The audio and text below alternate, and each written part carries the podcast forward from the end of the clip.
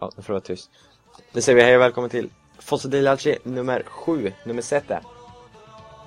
Ett rykande hett avsnitt med mig, David Faxo och Andreas Persson. Hallå, hallå.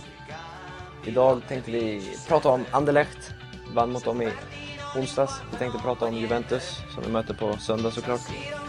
Sen blir det ju om eh, Pato har ju varit i fokus den här veckan, så det blir mycket, en del snack om Pato också.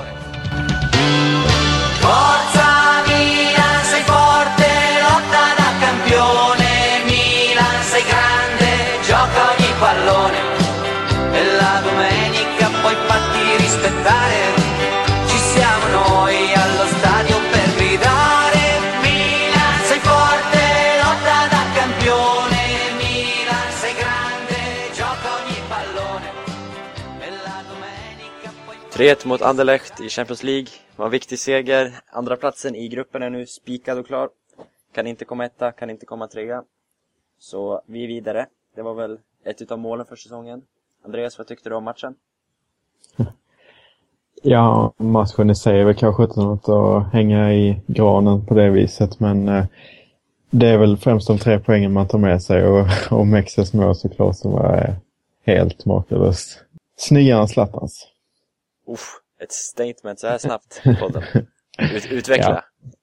Nej, men eh, först så, eh, det enda jag höll Zlatans mål högre på grund av det är ju, det är ju vinkeln i och för sig, men det är ju alltså att Mexes gör mottagningen gör ju att han inte behöver ha exakt samma timing som Zlatan måste ha när han ser bollen eh, dampa ner där, men eh, samtidigt så det momentet, eh, alltså det är ändå ett svårt moment att ta emot det med bröstet så som Mexes gjorde, så nej, placeringen är också bättre, målvakten hade ingen chans. Det var målvakt i buren. Ja, precis. Så nej, Mexes är snyggare. Om vi börjar där. Sen så var det ju, som Montolivo sa, så är det, det är inte så svårt att göra mål på en sån vacker pass. Liksom. Var det Montolivo som slog den eller var det...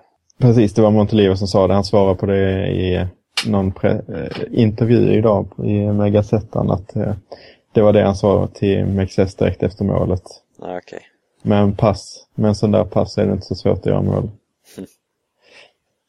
Och Allegri trodde ju inte att det skulle gå i mål. Det var kanske få som trodde det när Mexes för tredje gången den här säsongen tror jag försökte sig på en cykelspark. Han eh, gjorde ju en, en även spektakulär grej mot... Ja, vilka var det mot? I ligan när han klackade och Pazzini slog in returen. Så han har ju det spektakulära i sig. Mm.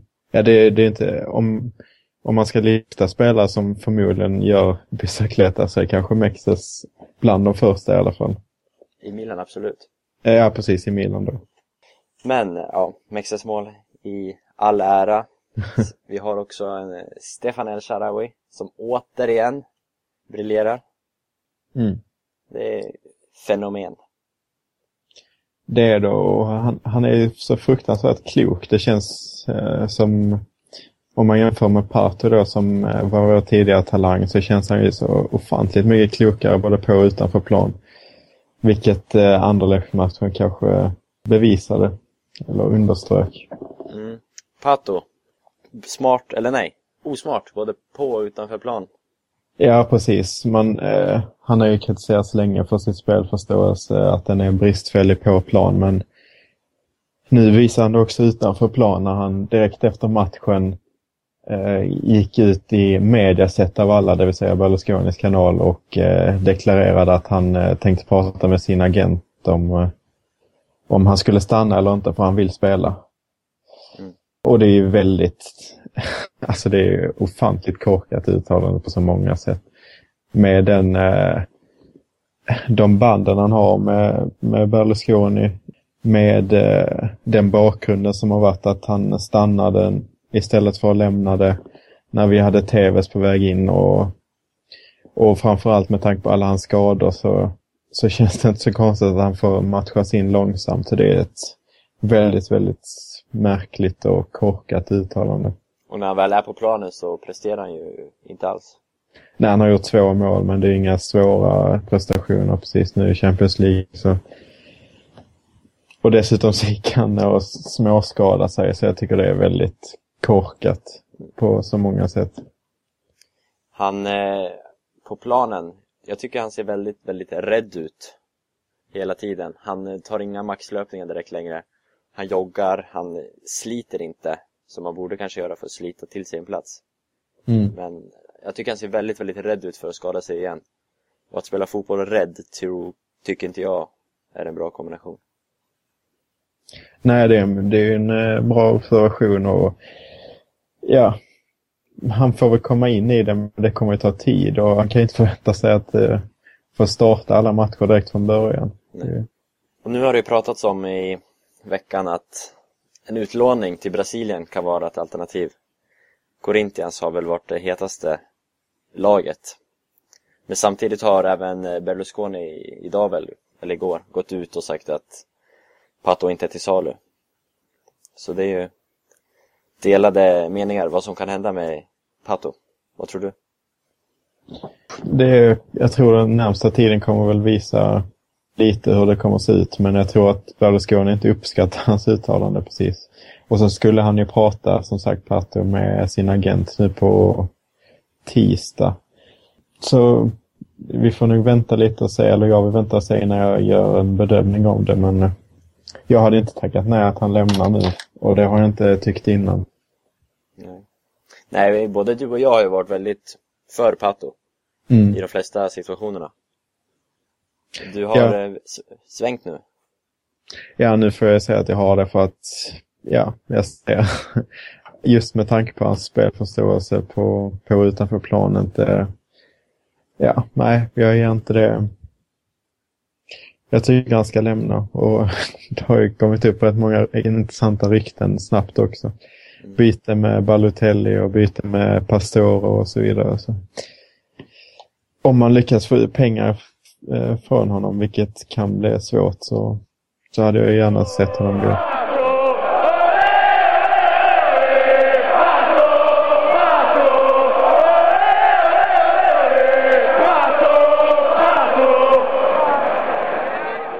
Fyra 3-3 verkar vara det nya spelsystemet som Milan kör nu några matcher till.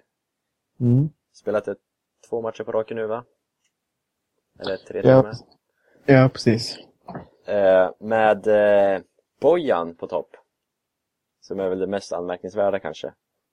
Pazzini och Pato på bänken. Ja, faktiskt. Vi har ju hyllat eh, Bojan mycket. Det katalanska fenomenet hade vi ett avsnitt som hette. Och eh, jag står ju fast vid att som trekvartist är han eh, helt okej i alla fall. I, och det bästa alternativet i vår uppställning. Men som prima punta är jag ju mer skeptisk. Eh, där känns han alldeles för eh, lättviktig och så vidare. Alla hans negativa egenskaper kommer att eh, visa sig på något sätt. Eh, och det, nej, om vi ska spela 4-3-3 så vill jag ha Pazzini eller Pato i mitten. Mm. Och eh, ja, jag kan ju, ja, har du någon själv någon tanke där? Bojan, ja. Spelar man med Bojan så blir det ju inte ett klassiskt 4-3-3 riktigt med en prima punta utan han har ju sjunkit ner en del och liksom blivit delaktig i spelet, glidit ut lite mot framförallt högerkanten tycker jag. Mm. Så det blir ju ett rörligare spel än med Pazzini på topp. Vilket kanske bra mot vissa lag men ja, sämre mot andra. Självklarheter.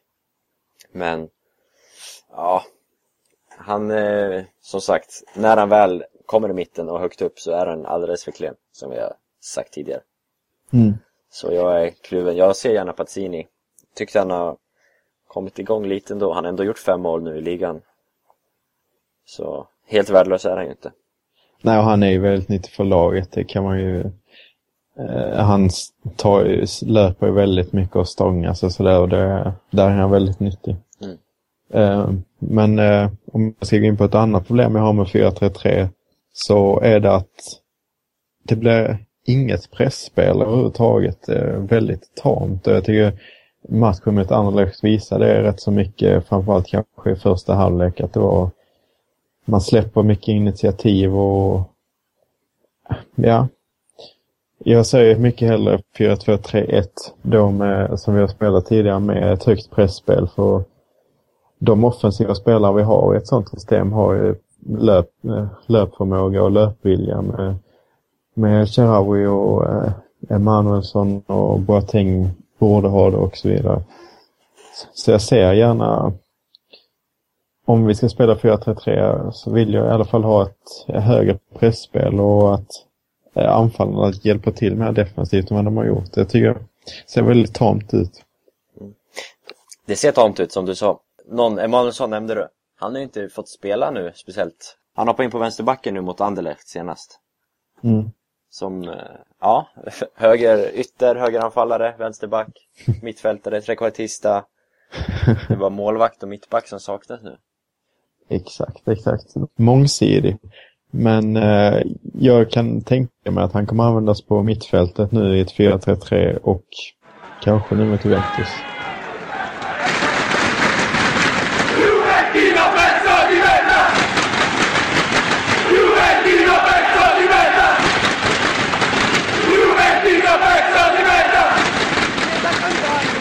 Vi var inne på det innan pausen. Emanuelsson, eventuellt start mot Juventus. Vi kan ju ta den preliminära startelvan som finns idag. Eh, lördag, lördag kväll då, utgången innan. Det är väl att ja, de Jong är spikad på mittfältet. Montolivo har också Allegri bekräftat tillsammans med eh, Konstant också va?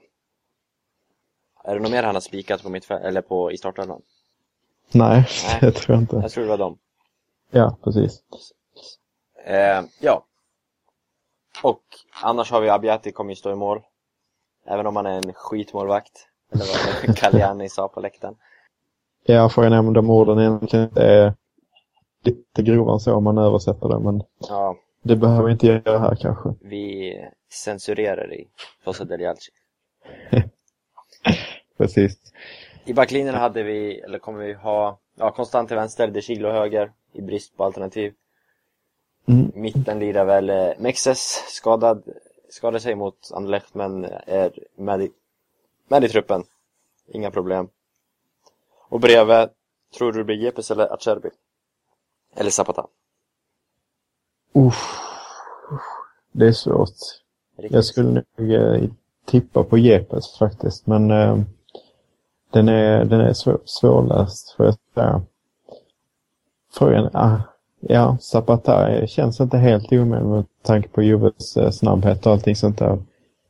Men eh, ah, jag ska säga ett namn så blir det Jepes. Vad tror du själv? Acerbi?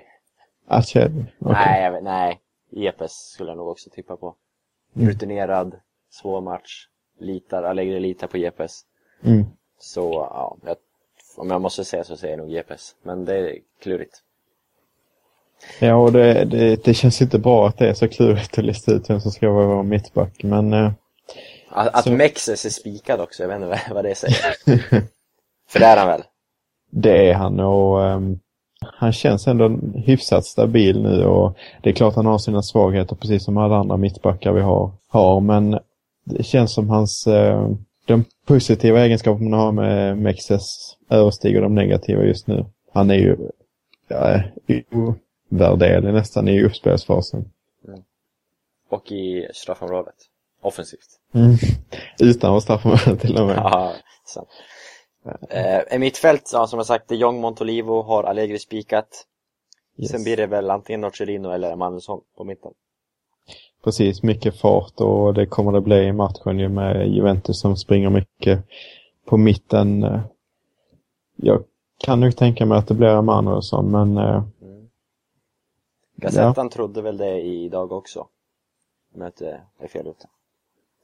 ja, även om man inte ska lita allt för mycket Nej, på då- dem, deras uppställningar dagen innan men eh, Nej, precis. Men men, anfall. El Sharawi är väl jättespikad. han känns Känns hyfsat ganska, bra ja. ganska klar. Eh, höger blir det nog Boateng igen va? Yes. Mitten, Pazzini eller Bojan har Allegri sagt. Pato är skadad som vanligt igen. Om än ingen muskelskada dock, utan en säkerhetsåtgärd. Jag verkar vara lite mer säkerhetsåtgärd på den men eh, jag är inte helt säker på eh, eller Allegri verkar inte vara helt säker på presskonferensen eller så vill han bara vifta bort frågan. Men han sa ju att det kan bli både Pazzini och, och ehm, Bojan eller ingen av dem. Han har inte bestämt sig än. Ja, det är, det är ett intressant uttalande. Det, ja, det är det. Jag man- som sagt vill helst inte se Bojan där i mitten, men... eh, eller om man vill gå på din teori där om att det blir mycket rörligare så kan det ju vara fördel om man kan bredda spelet med Bojan nu när Juventus har trebackslinje. Det känns ju lite som att Milan kommer bli tillbakatryckta, eller? Och då är kanske Bojan ett rörligare alternativ i kontringar. Än Pazzini. Så kan det vara. Kan det mycket väl vara. Det, det kommer bli ett väldigt eh, öppet spel skulle jag gissa på. Ja, alltså Bojan är ju väldigt, väldigt nyttig i, i eh, så många aspekter. Men det är just det fysiska som han, eh, han tappar ju och kanske även så känns han inte helt farlig i avslutningsfasen heller. Nej. Men jag vet, man ska inte räkna bort Robinho heller, även om han inte spelar på den positionen. Det är sant. Eh, man kan ju, som Allegri sa, att ingen kanske startar. Då blir det väl förmodligen eh, Boateng på topp, som de har tränat lite på, om rapporterna stämmer. Boateng längst fram, och då kliver nog Robinho in till höger. Skulle jag gissa på. Även om jag tror att det inte är troligt alls. Det är i och för sig en ganska intressant tanke. Bara rent spontant om Boateng har en högt position i anfallsspelet så slipper man eh, ha med honom så mycket i uppspelsfasen och sådär. Så man, han slår inte bort så himla många bollar men han, man får hans fysik framåt och kanske att han kan eh, springa mycket och punktmarkera en eh, Andrea Pirlo. Även om Allegri idag sa att Pirlo inte kommer punktmarkera. Okej, men det, man, det, man ska ju punktmarkera Pirlo så är det. det ska, det såg vi bara i slutet på hans Milan-karriär. Precis, det var ju det som jag tror att Allegri, så han resonerade när eh, han började peta honom i förmån för Van Bommel eh, framför backlinjen. Dels på grund av hans defensiva brister såklart, men eh, just den referenspunkten i uppspelsfasen var väldigt tydlig och, eh, att läsa och det var väl så vi eh, inte gick långt i Europa längre, att de började punktmarkera Pirlo helt enkelt. Kommer framförallt ihåg en match där mot United. En åttondel Mm. eller en kvartel vad det var. När eh, Jisung Park, eller Park Jisung, vad ni nu vill kalla honom. Punktmarkera Mm. Pirlo två matcher på raken och han var helt borta ur matchen och Milan kom ingenstans. Nej, precis. Och, då... och eh, det är väl det som jag har tänkt lite med Juventus, att de har klarat sig så bra utan att Pirlo försvinner i matcherna och sådär. Men de har ju kanske ett lite starkare mittfält. Ett mittfält som jag kanske skulle säga är världens bästa efter det som befinner sig i Katalonien. Ja, Vidal Marquisio. Det är kvalitet, även om Vidal är ett svin i mina ögon och Marquisio är en gnällig jävel, men de är bra. Ja, Ja. Marquisio har, jag har haft, ändå haft respekt för honom ett bra Mm. tag nu, men under förra säsongen blev jag så trött på Marquisio. För han, ni kan kolla extra noga på det och tänk på det mot Juventus.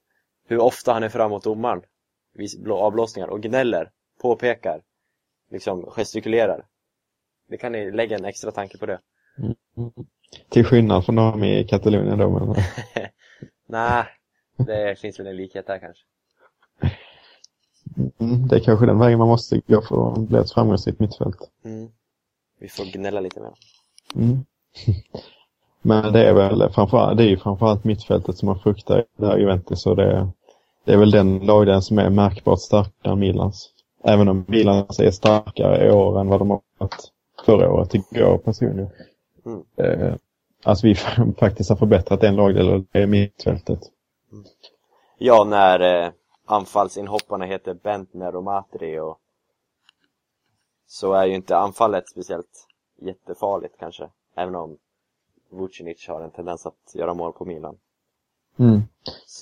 Nej men där är ju Milan eh, eh, har ju fullt i klass eh, på anfallsfronten tycker jag. Och värt att notera är ju att Chiellini, ärkesvinets ärkesvin, Mm. inte spelar. Han är inte med i truppen alls till matchen. Ja, det är alltid skönt att slippa se honom överhuvudtaget så det, det är ju positivt och förmodligen så kommer det ju vara försämra deras backlinje också. Mm. Eh, Men det är väl frågan vem som går in och täcker för honom. Ja, vi har väl alternativen Lucio, som inte... det är många svin i Juventus här. Mm. Eh, Casares är väl kanske det mest roliga. Som även kan spela mittback och gå ner i trebackslinjen. Mm. Och som är en bra spelare, i mina ögon. Ja, framförallt offensivt kanske. Vad jag kommer ihåg med hans mål mot Milan i Coppa Italia. Mm. Ehm, men eh, visst känns det som en fördel att ha deras backlinje som spelar väldigt mycket. Det är ju bra med en back, backlinje som är samspelt, eh, Mm. som sagt. Och eh, det är väl alltid bra att de inte att de saknar en, en del i, ur den. Jag vet inte om Bonucci är 100% klar. Han har ju varit sjuk i veckan, vet jag. Han är med i matchtruppen, men om han är helt frisk än, det vet jag inte riktigt. Men förmodligen så startar han väl. Vi får se. Ja, förmodligen gör han väl det, men eh, man vet inte. De, eh, eh, även om det är Basalji som är den kanske bästa delen av den backlinjen tycker jag, så är ju två bortfall i en sån backlinje är ju märkbart. Det är det absolut. Siamo forti, siamo fieri, siamo tutti rossoneri. Milan, Milan, corre va, più nessun ti fermerà. Milan, Milan, il mondo intero puoi conquistar. Milan, Milan, corre va, più nessun ti fermerà. Milan, Milan, il mondo Det får bli allt för detta avsnitt. 20.45 söndag. Milan-Juve. Viktig. Den är ju, jag kan nämna, den är nästan eh, fullsatt arenan. 3000 biljetter finns kvar. Skrivs ut idag på lördag kväll då. Så det kommer ju bli helt fullt. Det är stort. Kanske man inte trodde så här på förhand. I alla fall inte jag. Nej, verkligen inte. Det var eh, väldigt otippat faktiskt. Men eh, kul. Härliga pengar till Milan också. 3 miljoner läste jag någonstans. Mm, men eh, det känns väl som intresset är, är det viktigaste. Ja, absolut. Absolut. svårt att sätta pris på. Tack för att du har lyssnat och okej, vi kan ju nämna också att vi läste era kommentarer både på Svenska fans och på Milan Rossoneri. Jättekul. Kurvor och politik är något vi kan diskutera i framtiden, absolut. Det är ju intressant på alla sätt och vis. Får väl kanske läsa på lite om flera olika innan vi kör ett sånt avsnitt. Men varför inte? Vi diskuterar gärna det i framtiden. Vi läste också kommentaren på Milan Rossoneri att det var kul med utomstående supportrar. Och det tycker jag och Andreas också. Otroligt roligt. Eh, och vi försökte också till denna podcast att få med en Juve-supporter. Men eh, tyvärr eh, lyckades vi inte idag. Det gick inte ihop. Men eh, vi kommer försöka få med eh, flera utomstående supportrar i framtiden, absolut. Mm. Bara kul. Ingen, ingen Anderlecht-supporter heller för den delen. Nej, Anderlecht-supportrarna blånekade Fossa Delialci, tyvärr. Mm. Dessvärre. Så är livet. Men ja, tack för att du har lyssnat. Lämna gärna en kommentar igen. Med dylika åsikter, tankar, funderingar, kritik, vad du vill. Finns på iTunes, finns på Svenska fans, finns på Mina Rossoneri. Mm. Så ja, tack för denna, detta vecka, detta, detta avsnitt, Andreas. Eh, tack. tack. Det blir kul att klippa det här för dig. Mm. Vi hörs väl om en vecka igen, förhoppningsvis. Och nu får ni höra det bästa med denna podcast, våran avslutningslåt. Ciao!